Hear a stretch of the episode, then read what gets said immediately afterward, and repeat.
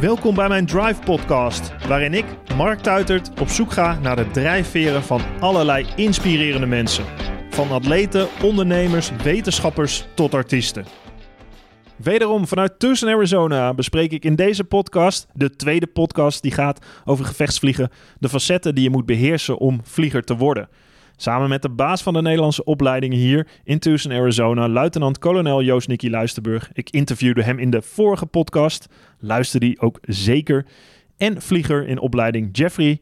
En Jeffrey sleutelde al aan F-16's en greep de kans die hij kreeg om zelf F-35's te gaan vliegen met beide handen aan. Heb ik het over hoe het is om vlieger te zijn. Uh, we bespreken de liefde voor de F-16 en de overgang naar de F-35. Ook de technische kant daarvan. En zoals bij heel veel dingen in het leven gaat het om leren en nooit en nooit opgeven. Dat blijkt ook wel heel duidelijk uit deze tweede podcast, zou ik zeggen. Ik zou zeggen, luister naar en leer van Jeffrey en Joost Nicky Luisterburg.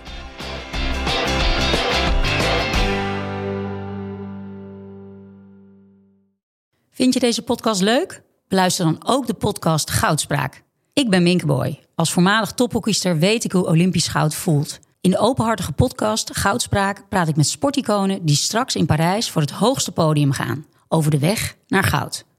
Beluister nu de podcast Goudspraak. Voor je aan de podcast begint wil ik je kort wat vertellen over mijn nieuwe boek. Drive, train je stoïcijnse mindset. Tijdens mijn carrière, maar nu ook als ondernemer en vader, heb ik veel gehad aan de principes van de stoïcijnse filosofie. De stoïcijnse mindset heeft voor mij het verschil gemaakt om succesvol te zijn. Overigens zijn het veel principes die ik herken bij de sporters, coaches en high performers die ik voor mijn podcast spreek. In Drive leg ik uit hoe ook jij een stoïcijnse mindset kan trainen. Het zijn 10 praktische levenslessen en trainingen die je helpen om met de juiste mentale balans het beste uit jezelf te halen, zodat je zowel scherp als relaxed door het leven kan gaan. Met de stoïcijnse mindset kun je richting geven aan je leven, actie ondernemen en accepteren waar je geen invloed op hebt. Deze mindset werd al millennia geleden toegepast in alle lagen van de bevolking. En nog steeds is deze mindset essentieel om mentaal sterker te worden. Bestel jouw exemplaar van Drive Train je Stoïcijnse Mindset op marktuitert.nl slash drive of via jouw lokale boekhandel.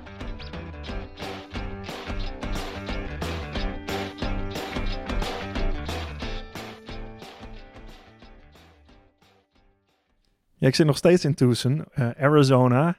En uh, hier wordt gevlogen, F-16 gevlogen. Dat heb ik gisteren mogen doen uh, met Joost Nicky Luisterburg. En dat mocht ik ook doen. Zij het in een ander vliegtuig met Jeffrey. Jeffrey, jij bent vlieger in opleiding voor de F-35. Dat klopt. Dus je zal nooit meer in een F-16 vliegen. Je was gisteren ook mee in de backseat. Ja, absoluut. Heel, hoe, hoe was het? Ja, was super vet ja, dat was voor mij een hele unieke ervaring.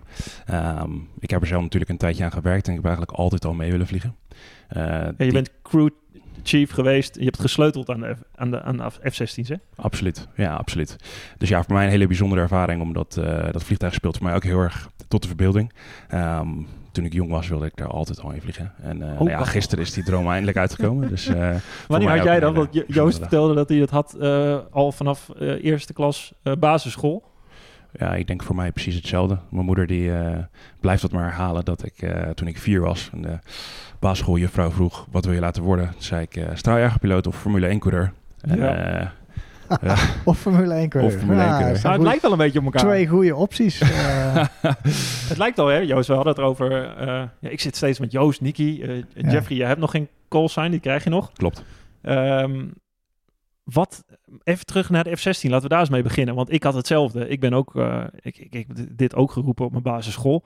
Uh, en ik was ook een beetje, ik heb ook die bouwpakketten gekocht van F-16's met die Tiger Stripes die ik nog moest maken. Weet ik nog wel, uh, alles in elkaar plakken en daarna schilderen. Uh, want het is zo'n mooi apparaat ook om te zien. Zo'n goede, mooie machine. Wat, wat is voor jou die F-16? Wat maakt die zo bijzonder? Want hij gaat eruit, ja, hè? Ja, hij gaat eruit. Nou, bij ons gaat hij eruit ja. natuurlijk. De F-16 blijft in de wereld nog op heel veel plekken rondvliegen. En daar wordt natuurlijk ook nog steeds gebouwd. In een andere, andere hoedanigheid dan wij hem hebben. Maar qua uit, buitenkant uh, ziet hij er redelijk hetzelfde uit. Ehm, die van ons stopt natuurlijk in 2024. En dan gaan we naar een F-35-only luchtmacht toe natuurlijk. En dat, en dat is ook hard nodig. Ons vliegtuig vliegt al, al meer dan 40 jaar bij Defensie. Um, en omdat wij financieel gezien maar één jachtvliegtuig kunnen opereren, kunnen we niet meerdere types tegelijk vliegen. En, en F-16 kan heel veel missies gewoon die we wel uit moeten kunnen voeren, niet uitvoeren. Is gewoon niet, niet overleefbaar in het moderne slagveld, zeg maar. Dus, omdat dus, hij niet stealth is? Nou, hij is niet low observable. Er zitten wat andere, wat andere kanttekeningen aan die ik, die ik niet kan delen met, met Nederland. Maar, genoeg eh, wat hij niet kan. Wat maakt de F-16 wel bijzonder? Nou, kijk, het is, het is natuurlijk een uniek, fantastisch ontwerp. Het, het, feit dat dat ding al aan de top van de food chain staat voor, voor 40 jaar, betekent gewoon dat het natuurlijk een extreem goed vliegtuig is. Um, ooit ontworpen als lightweight fighter, uh, gap filler zeg maar, uh, uh, ultimate dogfighter, nou, daarna, maar wel met een beperkte air-to-ground capability zeg maar, dus wel geschikt om doel op de grond aan te vallen. Voor luisteraars die niet helemaal in het technisch jargon zitten, dit, het is een vliegtuig die echt ontworpen is om tegen andere vliegtuigen te vechten van oorsprong. Hè? Van dicht, Snel. Dicht, dichtbij. Wendbaar. Een extreem wendbaar. een, een, een elektronica kit, zeg maar, avionics suite, die helemaal opgebouwd is om om snel de radar aan te kunnen sturen, snel raketten in te kunnen zetten tegen andere vliegtuigen. En een hoog dynamische situatie. Inderdaad, echt een dogfight. Gewoon uh, ouderwets luchtgevecht tussen twee vliegtuigen. Daar is die voor ontworpen en daar excelleert hij ook gewoon in. Het is echt een extreem manoeuvre, manoeuvreerbaar toestel. Ja, dat heb ik gemerkt. Met fantastisch uitzicht. Uh, de canopy geeft een, een on, uh, ja, ja, een ongeëvenaard uitzicht. Gewoon. Cockpit, om het maar even onerbiedig te noemen. De kennen, die, die glazen bol waar je onder zit. Is ja, die staat echt op, op het, ja. op het frame, waardoor je helemaal rond kan Je zit boven op dat vliegtuig en je, hebt gewoon, je kan alles uh, fantastisch zien. Dus uh, dat is natuurlijk het originele idee achter dat vliegtuig. En daarna is het gewoon heel succesvol verder ontworpen door om allerlei andere missies ook uit te kunnen voeren. Dus dus uh, ik vind het een heel sexy vliegtuig om te zien. het is uit. echt gewoon een van de mooiste vliegtuigen gemaakt, ja. vind ik. Uh, ik ben misschien niet helemaal objectief, maar ja, dat vind ik wel. Ik denk dat Jeffrey ongetwijfeld ook wel ja, een bepaalde Jeffrey. liefde heeft voor dat vliegtuig. We zijn allemaal een beetje opgegroeid met dat vliegtuig. Hè. Toen wij wilden gaan vliegen, toen bestond F-35 nog niet. Nee. Toen wij bij de luchtmacht wilden, whatever, toen toen eh, was dit uh, een mooi vliegtuig. En er zijn een paar andere vliegtuigen hoor, die ik echt heel mooi vind. Ik ben een fan van de F4 Phantom, omdat die zo groot en lelijk is. Ik vind de F-15 een mooi vliegtuig. De F-14 een mooi vliegtuig. En dan houdt het wel een beetje op de Tomcat, weet je wel. En, en, maar voor de rest uh, is dit qua, qua design, het ziet er gewoon heel mooi, rank, het is gewoon een mooi vliegtuig. Uh, ja. De F4 vond ik mooi omdat hij zo lelijk was. Dit is gewoon mooi omdat het zo'n mooi vliegtuig is. En het is gewoon een hele extreem wendbare machine. Hè? Want ik, ik zat erin, ik, ik echt, holy moly, wat, jij haalt daar toeren mee uit. Dan ga je door een vallei en ik zag jullie met twee andere kisten achter ons vliegen. Ik kijk nu naar Jeffrey. Dat, Maar dat, dat gaat om elkaar heen. Dat, dat is echt. Uh... Ja, Jeffrey kan nu ook een vergelijk maken als het gaat om, om een beetje ja, natuurlijk vanuit vertel. de backseat een beetje mogen sturen hoe, hoe de kist reageert. Nou hangt er natuurlijk veel aan versus de 35. Ja. Um, maar, ja, die veel zwaarder is. Die veel zwaarder is, ja. Ja, en maar ook een sterkere motor. Zo voelt het verschil ook wel. Ik moet zeggen, als je de, de F-16 vliegt, de inputs zijn veel directer. Um, ja, hij, vliegt, hij voelt ook gewoon wendbaarder. Um, maar ja, ik moet zeggen dat de F-35 ook tijdens het vliegen ook voordelen heeft die je bij de F-16 dan weer niet hebt. Zoals? Dus um, ja, dat is een beetje een technisch verhaal, maar met de F-35 heb je veel meer het gevoel dat je het vliegtuig veel makkelijker kan mikken op wat je wil. Um, daarmee verlies je misschien veel meer snelheid. Um, maar de F-16 uh, die heeft het toch minder. En dat vind ik, vond ik toch wel een, uh, een, markant verschil. Maar ja, het zicht is vele malen beter. En um, ja, het voelt gewoon veel meer alsof je in een, uh, nou, misschien een sportwagen rijdt dan uh, misschien in een grote BMW 5-serie. Ah, oké, ja. dat is een mooie vergelijking. Het is echt de sportwagen tegen de limousine-achtige... Nou, ik denk niet de limousine, maar ja. een goede, mooie 5-serie, een M5 versus een, uh, een Porsche 911 ah, of zo, ja. qua, qua gevoel. Ik denk dat dat niet een hele performance, goede, maar... hele goede vergelijking is. Ja, maar ja, daar zul jij nooit meer in, in, in, vliegen in die sportwagen. Ja, misschien nog ooit een keer, maar ja, de kans is wel heel klein. Dus maar wat maakt die wat maakt die F-16 technisch zo bijzonder dan? Want jij hebt daar technisch, je hebt daaraan gewerkt, je hebt eraan gesleuteld. Nou ja, technisch zo bijzonder. Ik denk dat je uit een monteurs oogpunt dat je er heel veel aan kan doen en heel veel aan kan werken. Waarbij de F-35 dat je daar meer eigenlijk uitleest wat er mis is met het vliegtuig. Dus eigenlijk als het met auto's ook is tegenwoordig of niet. Je hebt Precies. software kant wat tegenwoordig de nieuwste auto's alleen maar zijn bijna. Sowieso de elektrische types of je hebt nog echt ja, daar, hij komt uit de jaren 70. Nou ja, precies. Dat is het grote verschil, right? Er zit een 40, 40 jaar age gap tussen de twee vliegtuigen. Dus het is ook logisch dat, uh, dat het ene vliegtuig echt meer puur techniek is en het andere vliegtuig gewoon meer uh, line replaceable modules, uh, zeg maar. Je leest uit wat er mis is, je, verplaat, je, ver, je vervangt die hele unit en, en software, mm. is, software is een hele groot uh, groot ding in de F35. Een stuk minder dan de F16. Hoewel wij ook steeds meer software-driven worden. Maar ja, dat, dat klopt. Maar dat is, hm. dat is gewoon de leeftijd van, eh, van, de, leven van de hardware waar we mee opereren. Jij bent, uh, Jeffrey, jij bent, uh, ja, Joost, jij vertelde net dat je als eerst bij de marine ging in podcast 1 naar, naar uiteindelijk toch het jachtvlieger bestaan. Dat was voor jou eigenlijk ook, hè? Want jij wilde jachtvlieger worden, maar de eerste keuringen, jij kwam ook niet door de keuring heen, toch? Ja, nou ja, dat niet door de keuring heen. Ik heb het toen niet eens geprobeerd. Um, enerzijds uh, waren mijn ogen die waren onvoldoende. Hm. Anderzijds had ik niet goed, goed genoeg mijn best gedaan op school. Um, ja, en uh, ja, daar baalde ik wel heel erg van. Toen dacht ik, ja, wat is de next best thing dat ik kan doen? Um, toen dacht ik, ja, dan ga ik eraan werken, want ik vind techniek mooi en ik vind die machine nog steeds heel mooi. En zo kan ik er nog steeds mee bezig zijn en nog steeds aan werken. Um, en dat was een hele vette en ook indrukwekkende tijd om, uh, om aan zo'n machine te werken. Want wat eh, zijn de stappen die je gedaan hebt? Want je zegt niet genoeg op school, want moet je, HAVO, VWO? HAVO, uh, en toen MBO gedaan als vliegtuigmonteur. Oké. Um, ja, en uh, daarna um, ja, twee, drie jaar bij Defensie gewerkt als, als vliegtuigmonteur. Wat ik een supermooie, supermooie job vond. Dus jij kon werken bij Defensie.nl, kon jij je aanmelden als waar Joost nog het uh, in de Veronica-gids moest aangeven. En volgens mij, ik heb Tros, het zo... Troskompas. Oh, Troskompas. ja. Volgens mij heb ik het via de Veronica-gids toen gedaan. Uh, ik, uh, ik heb de inschrijfpapieren verstuurd. En ik heb me weer af moeten bellen omdat ik een wereldkampioenschap junioren ging schaatsen in één keer. Daar had ik nog nooit van gehoord toen ik die papieren u, überhaupt invullen. Dus mijn leven nam een andere afslag. Maar die van jou uiteindelijk, nou ja, ik kwam full circle, kwam die weer terug. Ja, klopt. Ja, ik, uh, ik heb toen met veel plezier als, als crewchief gewerkt. Uh, maar er kwam, kwam een bepaald punt waar Defensie ging bezuinigen. En uh, toen kwam het bericht van jouw, jouw job gaat verdwijnen.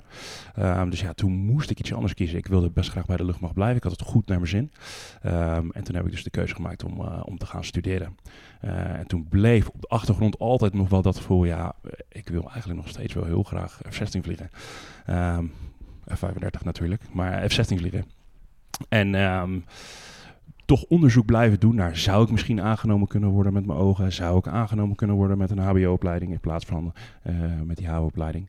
Um, en uiteindelijk toch uh, selectie kunnen doen door, door te blijven proberen en te blijven vragen en uh, ja, gewoon andere wegen te zoeken uh, naar hetzelfde doel. En dat is een beetje die agressiviteit, hè? Gewoon blijven, ja. blijven vechten voor wat je wil. Gewoon niet opgeven, niet door, opgeven. doorpakken. Ja, dit is de mentaliteit die uiteindelijk... Ja, dat klopt. Dat vind ik wel grappig, want jij had het ook over talent. Natuurlijk heb je een bepaalde fysieke capaciteit of ook uh, hersencapaciteit nodig, ongetwijfeld, om, om dit te kunnen doen. Maar dit is misschien wel top. Ja, als je het over talent hebt, niet, de, de fase. De, ja, nooit opgeven. Ja, het nooit opgeven. Wordt niet altijd als talent gezien natuurlijk, maar dit is toch eigenlijk inderdaad binnen jezelf heel graag iets willen, ervan dromen.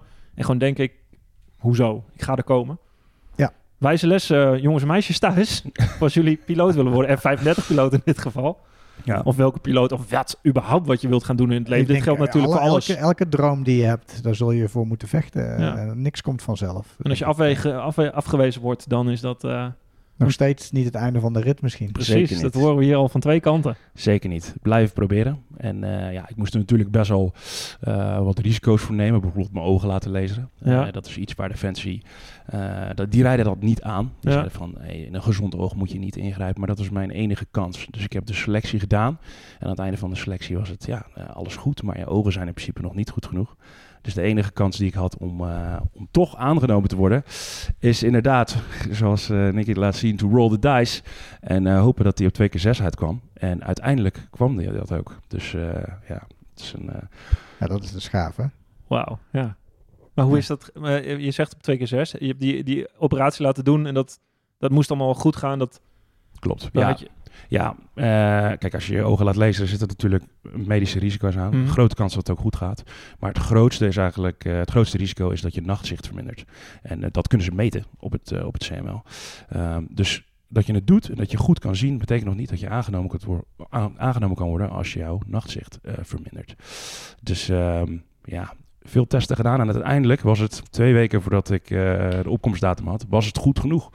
Dus toen kon ik mijn baan opzetten, opzeggen en en beginnen. Dus, uh, Wauw. En wat dacht je toen? Ging, ging, ging, sprong je, je een dansje of uh, hoe, uh, hoe was dat? Ja, het was heel onwerkelijk. Het was gewoon heel onwerkelijk. Het was een super euforisch gevoel. Um, maar ook van, ja, ik kan me nog niet helemaal voorstellen dat ik in de cockpit van zo'n ding ga zitten. En dat gevoel is best wel lang aangebleven.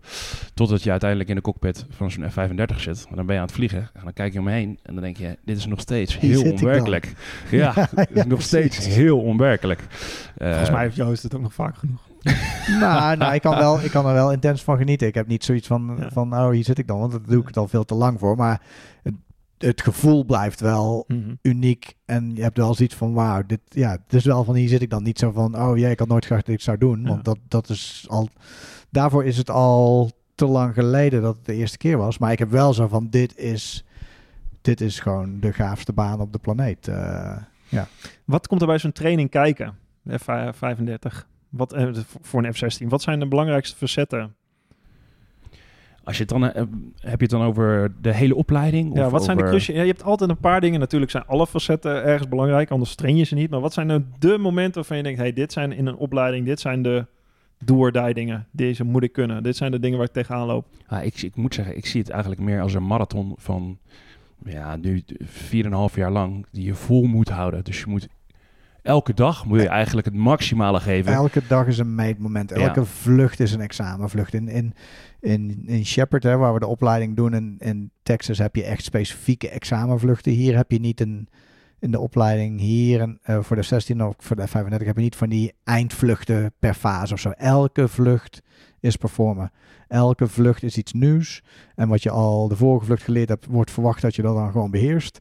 Um, tot op een bepaald niveau. Maar ja, elke vlucht is gewoon een meetmoment. En elke vlucht kan het ook fout gaan. En dan heb je ja, een potentiële uitdaging die je wel moet lossen, zeg maar. Dus het is niet, uh, er zijn niet speciale meetmomenten. Zijn hmm. niet, Waar vallen dus, de meeste uh, jongens? Het zijn alleen maar jongens eigenlijk. Op dit moment hebben we alleen maar mannelijke jachtvliegers Mannen. bij Defensie inderdaad. Waar ik weet ook niet of er mensen in de dames in de pijplijn zitten, eerlijk gezegd. Maar... Hm.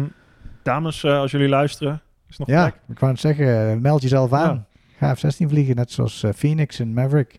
En de dames die al voorgegaan zijn bij, bij Defensie. We hebben natuurlijk drie, drie prima jachtvliegsters gehad die F-16 gevlogen hebben. Alleen op een of andere manier hmm. blijft het een beetje stil. Ja, ja. Hey, maar wat, wat, wat zijn de dingen die... Um, waar zie je mensen op afhaken? Is dat verschillend of... Ja, als ik de opleiding bekijk, het is, het is best wel verschillend. Uh, de meeste uh, gasten die binnenkomen, die zijn heel erg gedreven om dit te doen. Uh, maar op de KMA zie je bijvoorbeeld mensen die denken van ja, dit, dit is echt niet voor mij. Door het bos uh, moet tegen iedereen sergeant zeggen en dat soort dingen. Daar zijn mensen die daarop afhaken, die dat niks vinden.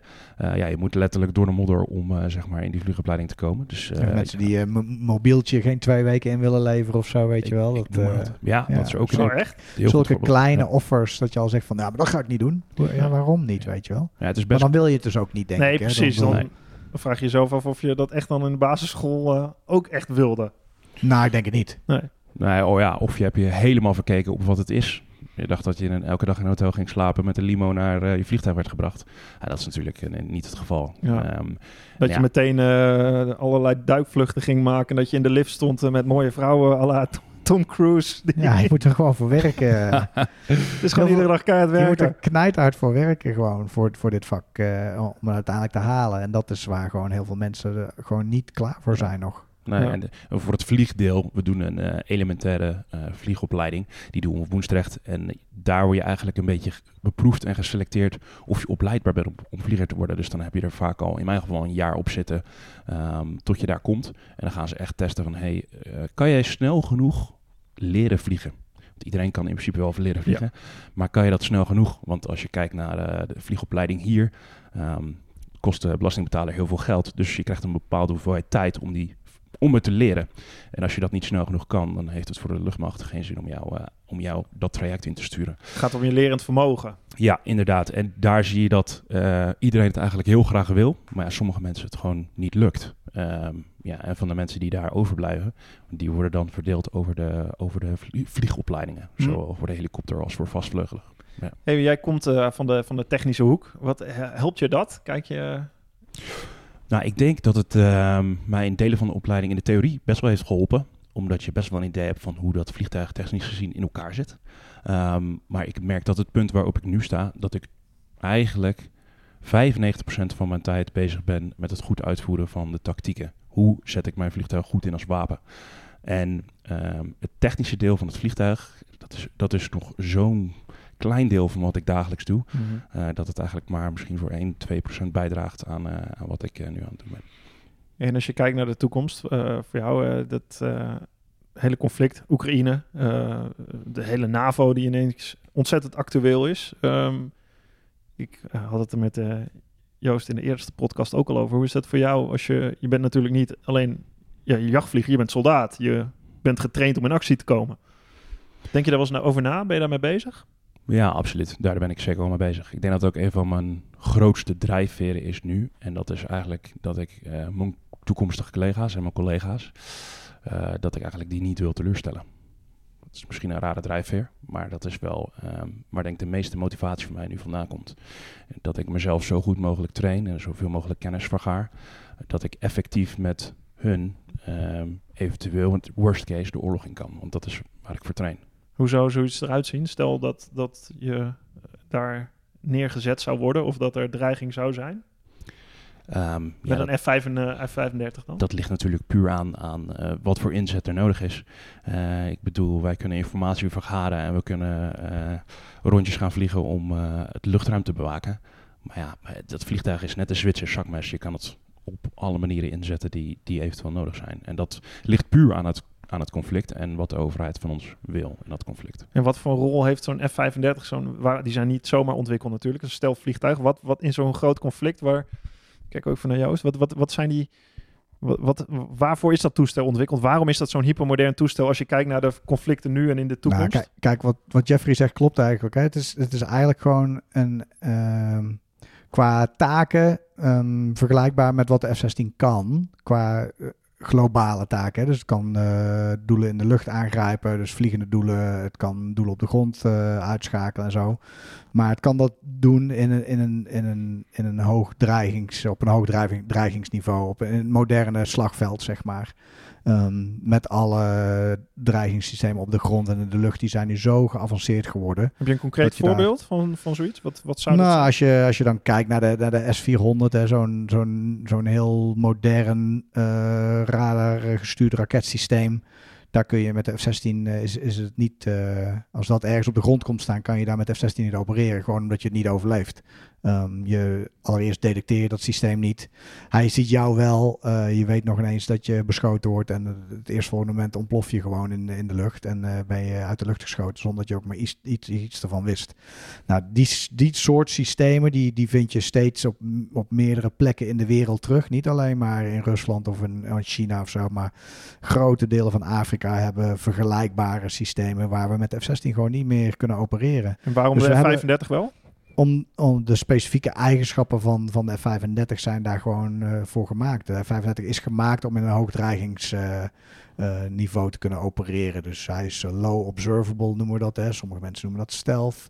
Onzichtbaar voor de radar. Nou, hij is niet onzichtbaar. Niks is onzichtbaar in de op de planeet. Maar hij is heel moeilijk te detecteren door, voor, door allerlei moderne systemen. Zowel door vliegende systemen als systemen op de grond staan. Daardoor kan hij op allerlei plekken waar de F-16 niet zijn werk kan doen, kan hij wel zijn werk mm. doen. En hij heeft daarna nog uh, een aantal unieke eigenschappen die de F-16 niet heeft als het gaat om, om sensor capability, het aansturen van, van andere vliegtuigen en zo, waar we niet te veel over uit mogen wijden. Um, wat, hem, wat hem uitermate geschikt maakt om, om de komende decennia nog uh, in, het, in de top van... Uh, ja, de toestel kan met meerdere toestellen tegelijk opereren en dan ja, zien op jullie... een veel beter niveau dan dat de F-16 dat, uh, dat kon. we praten natuurlijk ook over een groot verschil in leeftijd qua technologie. Ehm, dus, dus ja, we, hebben nu een vliegtuig wat, wat hopelijk net zo succesvol gaat zijn als de F-16 dat was in, in de afgelopen 40 jaar. Ja. En daar hebben we die F-35 voor aangeschaft. En nu is het gewoon de, de, de top van wat, wat vliegtuigen moeten kunnen in, in, in, de, huidige, in de huidige conflicten. Ja. Ja, daar word jij voor opgeleid. Wanneer ben je er klaar mee met de opleiding? Hoe lang duurt die? 4,5 jaar, zei je? Hoe ver ben je? Um, ja, eigenlijk nu in het hal, laatste half jaar ben ik nu eigenlijk bezig. De opleiding hier in, uh, op Luke Air Force Base in Phoenix duurt acht maanden. Um, en ik ja, moet nog een maand of drie, drieënhalf en dan, uh, dan ben ik klaar. Ja. Alright. En dan begint het pas. Dan ben je klaar en dan, en dan begint het pas. En dan? Ja, dan uh, ga ik in Nederland mezelf elke dag aanscherpen om zo goed mogelijk te zijn in wat ik doe. En dan ga je naar Leeuwarden? Ja, ik ga inderdaad op Leeuwarden uh, word ik gestationeerd. Ja, dat klopt. Ja, ja heel gaaf. Hey, um, ja, naar je oude squadron terug, of niet? Nou, het is net niet mijn oude squadron, maar het is wel de oude, de oude basis. en daar ja. Uh, ja. werken nog heel veel mensen van mijn oude squadron. Dus uh, ja, dat is wel weer een bijzondere reunie, zeg maar. Okay. Heel mooi. En waar, waar, kijk je nou uit? Wat, is, wat vind jij het allermooiste om te doen als je de lucht in gaat? Wat vind ik het allermooiste om te doen? Ja, het überhaupt het vliegen vind ik altijd vet. Ik vind het een, uh, een, hele mooie uitdaging om elke keer als je weer die machine aanzet, om het zo goed mogelijk te doen. Het blijft elke keer weer een uitdaging. Uh, zelfs al denk je, hier ben ik goed in, dan zijn er vaak nog uh, voldoende verbeterpunten die je daarin kan vinden. Mm. Um, en het blijft natuurlijk best wel complex. En als je zo'n hele complexe missie ja, enigszins goed afrondt, dan geeft het best wel een, best wel een voldaan gevoel. Um, en ook al is dat niet zo, dan kan je daar vaak heel erg snel van, uh, van leren. Zeker met de instructeurs die daar zullen daar direct op, op wijzen. Um, dus Wat ja. kan je van de, van de oude, met alle respect, de rotte als uh, Nicky leren? Um, ja, heel veel. Heel veel. Ja, ik, ik, zou niet weten waar ik daar moet beginnen, maar um, ik vond het met het vliegen gisteren al super mooi om te zien hoe zeer ze op elkaar ingespeeld zijn. Hoe snel ze met elkaar kunnen, kunnen schakelen. Um, en dat daar bijna geen gedachte meer voor nodig is. Zo lijkt het in elk geval. Um, en dat vind ik in ieder geval wel een inspiratie als ik aan het vliegen ben. Dat ik denk, oh dude, ze kunnen het wel heel goed. Dit wil ik ook zo goed beheersen. Ja, die, die drive om, om te leren en om beter te worden waar Jeffrey het over heeft, die stopt ook nooit. Hè? Dat is ook echt het mooie van dit beroep. Uh, je wil altijd, het is nooit perfect. Um, ook als dingen echt super goed gaan. Uh, weet je wel, die gouden medaille race, die kan altijd, kan altijd ergens beter. Er is altijd ergens waar je nog meer had kunnen. En je zoekt naar dat, naar, je zoekt naar dat, naar dat, naar dat moment wat nooit gaat komen. Ja. Uh, eigenlijk. Maar je bent er altijd wel voor aan het streven dat je gewoon de perfecte missie ja, uitvoert. Zeg voor maar. mij is, uh, definieer jij nu wat eigenlijk succes is. Dat is niet altijd het eindpunt. Het is, nee, het is nooit het eindpunt. Constant in ontwikkeling, constant blijven. Wat ja. je ook doet. Niet topsport uh, in het nee, bedrijfsleven. Denk ik ook. Gewoon als ouder, als vader, als moeder. Ja. Altijd constant denken, hey, hoe kunnen dit, we hier nu... Dit kan beter. Dit kan beter. En, dat je daar, en, en, je denkt er niet over na, dit kan beter. Maar je hebt gewoon die, in, ja. die, die, die, die, innerlijke drive om elke keer zo van... Oh, dit ga ik ja. dan anders doen, weet je wel. Dat je altijd denkt van, dit kan iets effectiever, dit kan ja. beter, dit kan... Nee, klopt. Het is geen norm die je per se... Het is geen norm. Het is niet van, je moet beter, je wil beter. En het is ook worden. een onderbewust proces lijkt het wel. Want ik, ik ben niet de hele tijd bezig met van... oh, dit kan beter, oh, dit kan effectiever, dit ga ik anders doen. Maar het is wel iets wat de hele tijd in je achterhoofd gewoon drijft... en stuurt en, en meedraait gewoon. Je wil altijd, altijd beter worden, gewoon zelf. Niet necessarily, natuurlijk wil je altijd het, uh, ja, beter zijn dan de rest ook. Maar dat is helemaal geen drive. Je wil ja. gewoon zelf altijd die, die, die continue evolutie van je eigen capabilities. Uh, we hadden in de eerste de podcast mooi over de paradox tussen het willen winnen, wat ook ergens zit natuurlijk, en het beter willen worden, wat heel vaak ook als paradox wordt gezien. Terwijl het is helemaal geen uitsluiting door heel veel Correct. beter te worden. De sluit het ander niet uit. Ja. Wil, ben je meer in staat om te winnen? En door te willen winnen, doe je misschien meer je best om iedere dag veel beter te worden. Ja. Dus het versterkt elkaar heel erg. Zie je dat ook zo? Ja, absoluut. Ja, en ik uh, zie mezelf in de opleiding hoe snel jij dingen leert, omdat je continu bezig bent met, hey, wat kan ik hier beter doen? En dat continu aan het analyseren ben. Um, dat je binnen een hele korte tijd hele grote stappen kan maken.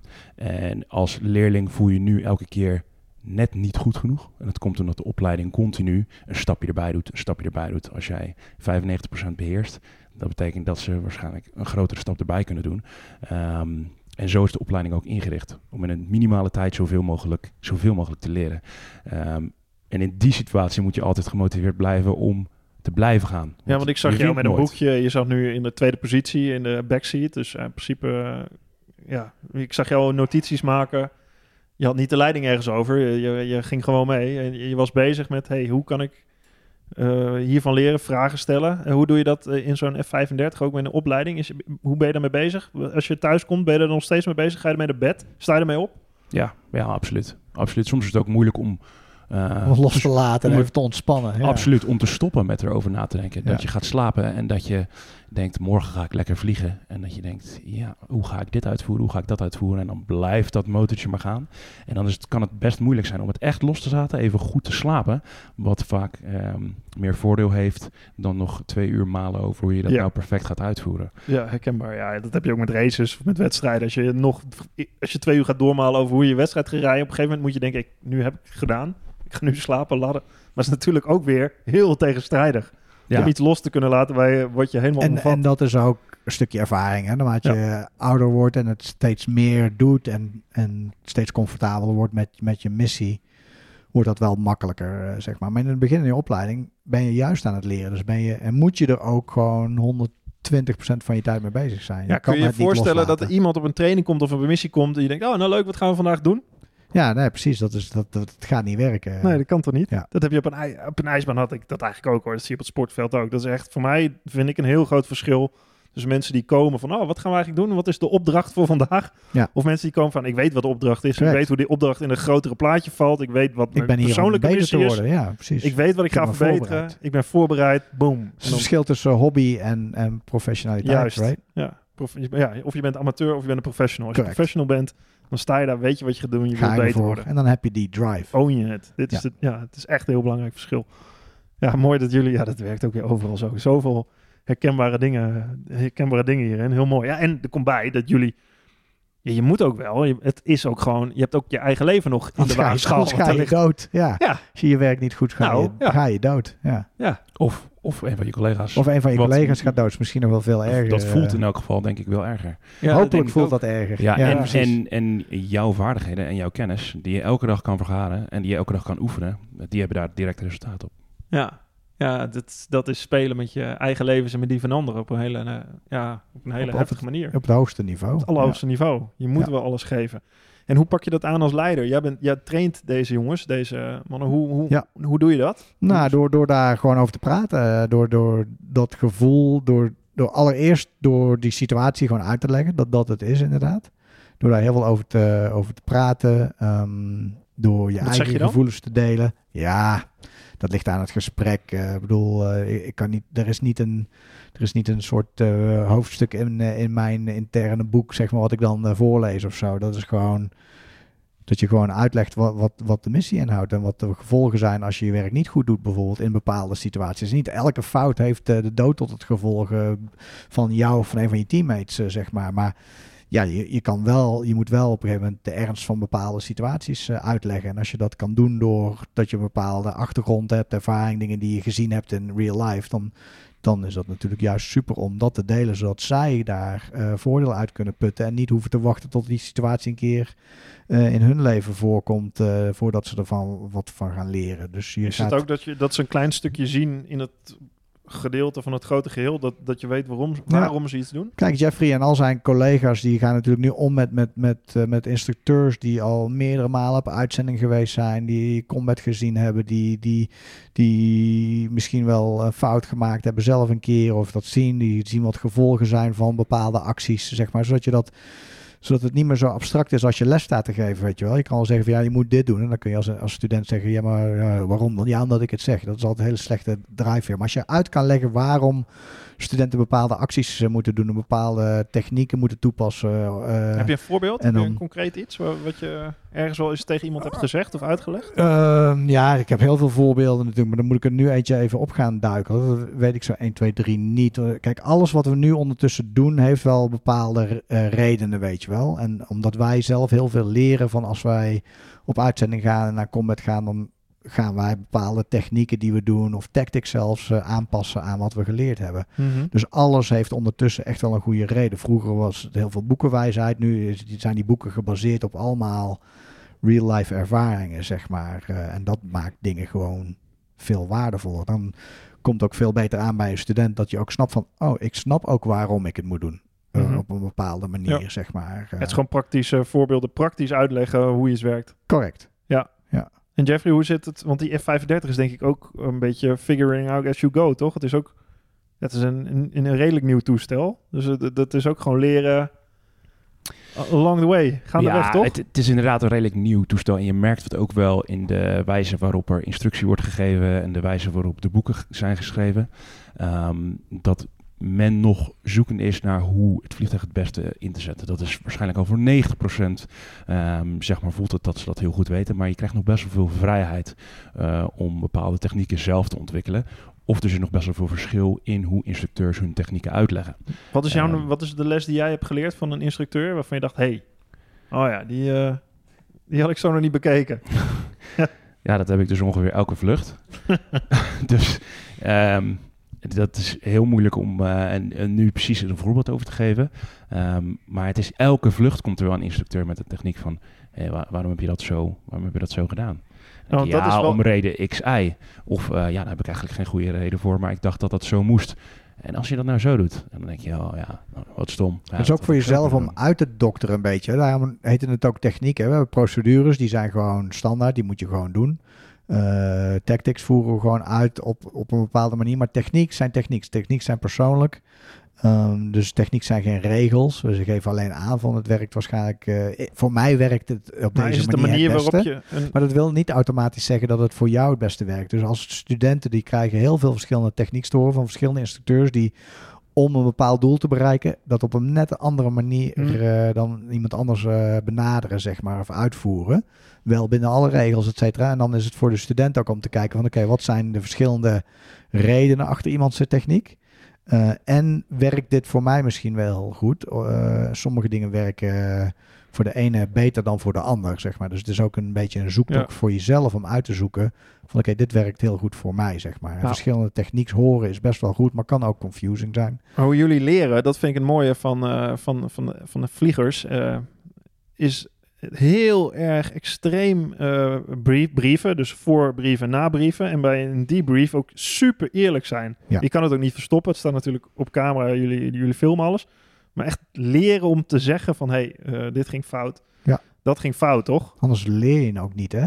Nee, maar dat klinkt heel, heel mooi, maar dat is natuurlijk wat er Ja, lang niet altijd het- gebeurt. dat In- is jezelf- Bij bedrijven niet. De logische gevolg, de natuur van mensen Correct. is dat ze denken, ja, Ik ga het niet vertellen, want dan eh, weet misschien heeft niemand wel hoe gezien. slecht ik ben. Nou, allereerst is het heel moeilijk, zoals je zelf zegt, eh, om dingen te verbergen. Maar je kan dingen prima verbergen. Want we kijken, bedoel, we vliegen anderhalf uur. Ik ga niet. eh, Anderhalf eh, uur terugkijken van iedereen. Nou, ik kijk Mhm. naar heel veel dingen. Maar als, als een student een. een, eh, als we van A naar B vliegen bijvoorbeeld, kan je daar ook nog best wel iets raars doen, zeg maar. En als je daar, als je dat niet over praat, de kans dat ik het ga vinden of zien, omdat ik er gewoon niet naar kijk, is gewoon heel erg klein.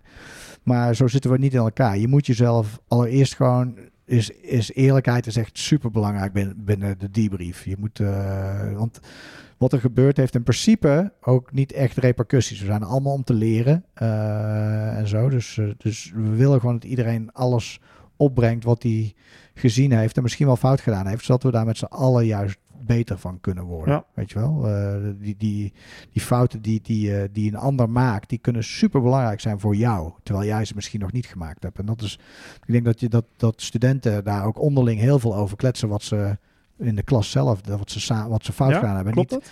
en dat klinkt heel tegen natuurlijk. Vroeger kan zeggen, nou dat ga ik niet vertellen, want dan eh, wordt Ja. hij misschien wel denken ze dat hij beter is. Nee, we willen allemaal beter worden. Ja. Dus dat delen is super belangrijk. Ja, absoluut. Dat doen we heel vaak. Ehm, als jij een grote fout hebt gemaakt, daar hebben we Vertel zelfs eens een grote fout. Een grote fout. Ja, Nee, hij maakt geen grote pakken, fout. eh, hij is hartstikke goed. om, om maar iets te noemen dat je op een eh, verkeerd vliegtuig schiet. Ja. Ik noem maar wat. Dat is een fout. enorme grote fout. Ja, is een enorme grote fout, right? En we doen het in training. Dus, ehm, en er gebeurt heel veel, heel snel. Dus zo'n fout kan je maken. Nou ben je heel blij dat je die bijvoorbeeld in, in training maakt. Heb je die wel eens gemaakt? Ehm, ja, daarom, Ja, daarom, daarom noem ik hem ook. Ehm, en is het super belangrijk om dan goed te analyseren waarom is dat nou fout gegaan. Waarom, heb, waarom heb ik die fout gemaakt? Combinatie van heel veel factoren. Maar um, het belangrijkste is daarbij dan dat je dat deelt met, met uh, de bros, met je andere gasten. Van waarom heb ik nou eigenlijk die fout gemaakt? Had ik die fout kunnen voorkomen? Wat heeft ertoe geleid? En wat kunnen jullie doen om ervoor te zorgen dat dat niet gebeurt? Wat is er zelf bij jou achtergebleven in je hoofd van, die, van iets van, hey, dit moet ik niet meer zo doen? Onderbuikgevoel. Onderbuikgevoel. Onderbuik. Onderbuikgevoel.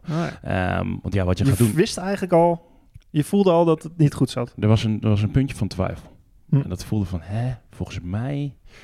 Maar ja, sommige dingen gebeuren relatief snel, dus dan moet je op tijd handelen. En dan neem je toch een keuze, omdat je denkt van, ik moet nu iets doen. En dan maak je de foute beslissing. Ja, dat is dus trainen. Daarom zit je in opleiding, dat is dus doen. Ja, doen, maar doen, dus wat Jeffrey zegt, dus als ik dat onderbuikgevoel heb, moet ik misschien uh, nog eventjes dubbelchecken, zeg maar. Want ja. heel vaak heb je dat onderbuikgevoel niet. Meestal, gelukkig, weet je, elke keer dat je op de knop drukt, dan weet je van, dit is gewoon goed. Ja. Maar er zijn van die situaties, denk ik van, ah, dit, oké, schieten, weet je wel, in dit geval. Nee, misschien als je dat gevoel hebt van, oh, ja, misschien moet je dan zeggen, nu ga ik nog eventjes even nog ergens anders naar kijken, ja. bijvoorbeeld. En dat, en is, dat ja, dat is natuurlijk ook voor mij nog in ontwikkeling, want mm. ik ben bezig met technische dingen leren. En dat blijft altijd, denk ik. En, ja, maar jij vertelde ook nog een mooi, uh, dat gisteren zei je van, de, wat de grootste, ik weet niet of het met F-16 ook zo is, met de F-35, er zijn ook dingen, je hebt één groot gevaar uh, met het vliegtuig, is dat, dat je op een gegeven moment uh, een wat was het ook alweer? Een, uh, je weet niet meer waar je zit. Je bent uh,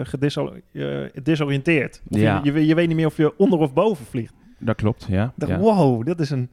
Dat lijkt me heel heftig. Maar dat is gebeurd bij een piloot die... Uh, ja, dat is denk ik in het verleden veel, veel vaker gebeurd bij ja, veel meer zijn, piloten. Dat is een realistisch verloren natuurlijk. Ja, en ik denk dat Nicky heeft daar ongetwijfeld voorbeelden, persoonlijke voorbeelden van. Maar is het nog niet echt heel erg overkomen, behalve dan in het weer, zeg maar in de wolken aan iemands vleugel vliegen en dat je niet naar binnen kan kijken naar wat boven en onder is. En hij is continu bocht aan het maken. Dan komt er een bepaald punt dat je niet meer goed weet wat onder en boven is, omdat je het gewoon niet kan zien. En je kan niet wegkijken, want als je wegkijkt, dan verlies je hem misschien en dan vlieg je letterlijk de wolken in en dan heb je kans dat je hem raakt. Um, dus um, dat is een reëel, reëel gevaar. En, uh, hoe, hoe, noem je dit gevaar officieel? Uh, spatial disorientation. Spatial disorientation. Heb jij daarmee te maken gehad? Wat, ja, wat is het alle, precies? Alle vliegtuigen hebben ermee. Dat je het niet meer, dat je gewoon geen situational awareness hebt over je eigen positie, zeg maar. Dat je, wat Jeffrey zegt, dat je niet meer weet wat onder en boven is. Dus je weet niet als je aan de stick trekt of je, of je richting de grond, de grond gaat, trekt of de, lucht, in. Correct. En dat kan natuurlijk afhankelijk van je hoogte extreem gevaarlijk zijn. Ja. Uh, dus, uh, en, dat, en dat gebeurt. Dat heeft gewoon te maken met dat jouw gevoel uh, jouw sensors die je gekregen hebt, zeg maar, die er, ook, die er ook voor zorgen dat je misselijk wordt trouwens, maar dat die, dat die kunnen liegen tegen jou in een vliegtuig. We zijn natuurlijk eigenlijk niet gemaakt om te vliegen. Dus uh, zijn nee, daar ben ik achter gekomen. Sommige van ons oh, ja? zijn minder gemaakt om te vliegen. uh, maar dat betekent dus dat jouw gevoel uh, jou bepaalde informatie geeft dat extreem sterk is. Die zegt van dat is de bovenkant en dat is de onderkant. Wat in een vliegtuig compleet andersom kan zijn, zeg maar. En dat kan natuurlijk fatale gevolgen hebben. Dat is ook, ook wel gebeurd. In en hoe kom je eruit? Waar train je erop? Waar let je dan op? Nou, allereerst, het moeilijkste is natuurlijk dat gevoel onderkennen.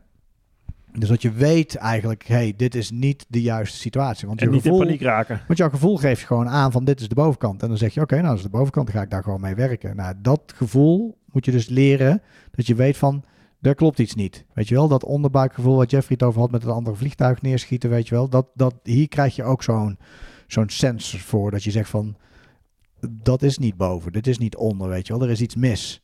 En dat moet je als eerste kunnen onder, uh, oh, onderkennen. Dus je moet eerst weten dat er een probleem is. En dan moet je jezelf ook nog durven dwingen om daar om tegen je gevoel in uh, acties te gaan ondernemen, zeg maar. Dus je moet gaan, je moet gaan conformeren door naar instrumenten te kijken, bijvoorbeeld dat je dat je gevoel inderdaad niet juist is. Vertrouwen op die instrumenten en niet op je gevoel, wat extreem tegen natuurlijk is voor ons als mens. Uh, en dan de juiste handelingen uitvoeren, zeg maar. Dus uh, gebaseerd op de, de abstracte informatie de juiste beslissingen nemen. Heb je, daar wel eens in gezeten? In ja, alle, alle vliegers hebben daar wel eens een keer in gezeten. Ik heb in Afghanistan gehad dat ik inrolde om uh, s'nachts met heel slecht zicht. Ik had wel goggles, maar er was zoveel, stuf, zoveel stof in de lucht dat ik met mijn night vision goggles eigenlijk helemaal niet meer de horizon kon zien. Wel al heel veel bochten gedraaid had, weet je wel. Nou, je weet mm -hmm. sinds gisteren een beetje, een beetje hoe dat voelt. Maar dan moet je je voorstellen dat je dat met je ogen dicht doet.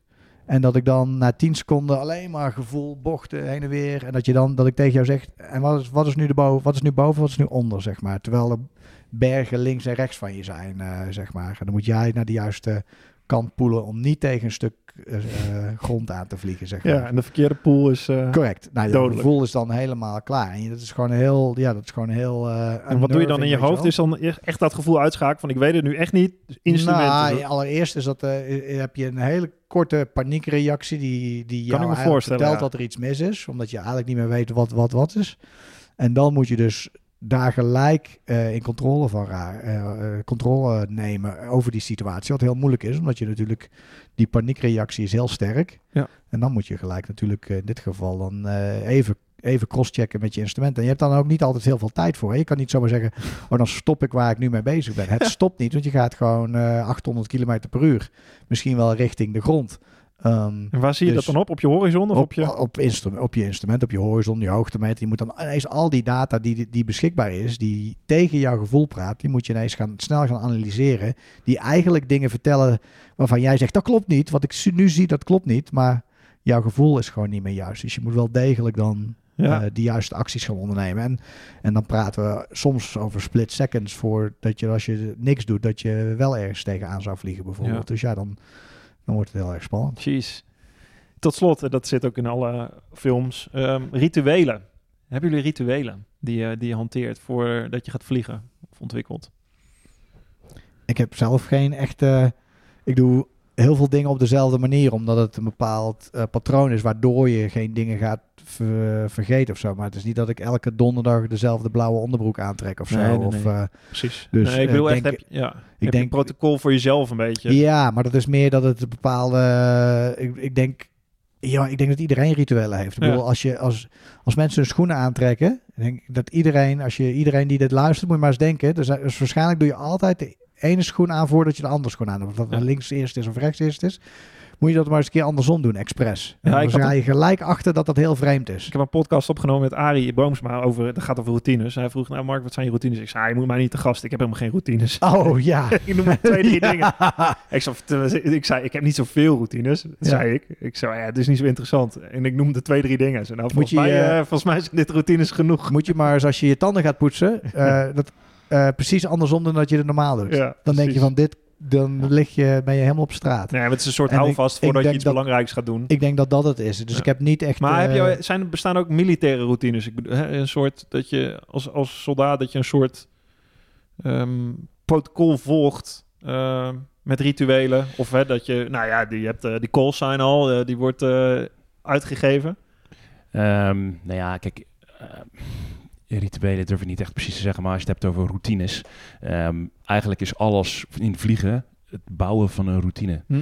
Eh, dus ik ben de hele tijd eh, mezelf goede routines aan het aanleren. Al Ja. gaat het maar om een rondje om het vliegtuig heen lopen en het vliegtuig aanzetten. Ja. Hoe meer ik die routine inbouw, Ja. hoe minder kans er is dat ik daar een foutje maak. Hoe sneller ik in word en hoe meer tijd ik heb om over andere dingen na te denken. En zo werkt het ook met, eh, eh, ja, met, met andere vliegtuigen vechten of gronddoelen aanvallen. Hoe meer je de routines inbouwt, hoe ehm, veiliger en ja, beter het wordt. Ja. Ehm, en hoe meer tijd je hebt om over andere dingen na te denken. Ja, In het begin hou je, heb je dan checklists en procedures waar je aan vasthoudt. En uiteindelijk wordt dat dan die routine of die... Ja, ja, Ja. rituelen zou ik het echt niet willen noemen. Het zijn Nee. echt gewoon, routines. het zijn echt gewoon routines. Ja, en het zijn hele simpele dingen, maar het kan je echt voor hele grote fouten behoeden. Iets simpels als eh, te kijken of je landingsgestel naar beneden is. Ja, Ja. Dat, dat klinkt als iets heel simpels, Ja. maar als je niet, dat Nee, je niet zou niet de eerste zijn die het vergeet, zeg Nee. maar. Ja, Nee. dat, ook gebeuren fouten vaak ook toch? Door de, de meest gangbare dingen die, die je niet meer checkt, niet meer Ja. te Ja. checken. Precies. Ja, ja oh. zoveel om bij eh, rekening te houden. Maar het was eh, mooi om dit van jullie te horen. Eh, Jeffrey, bedankt. Eh, Joost, Nicky, bedankt. Eh, en ik wens jou eh, ontzettend veel succes met het afmaken van je opleiding. En het vliegen van een eh, F-35 in de toekomst.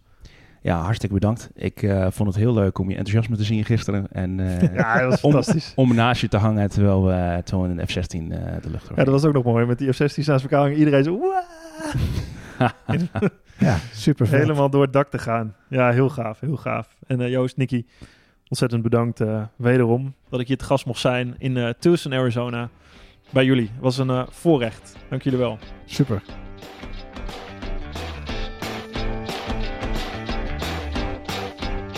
Dank voor het luisteren naar mijn Drive podcast. Je vindt mijn aflevering op Spotify, iTunes, YouTube en mijn website marktuitert.nl.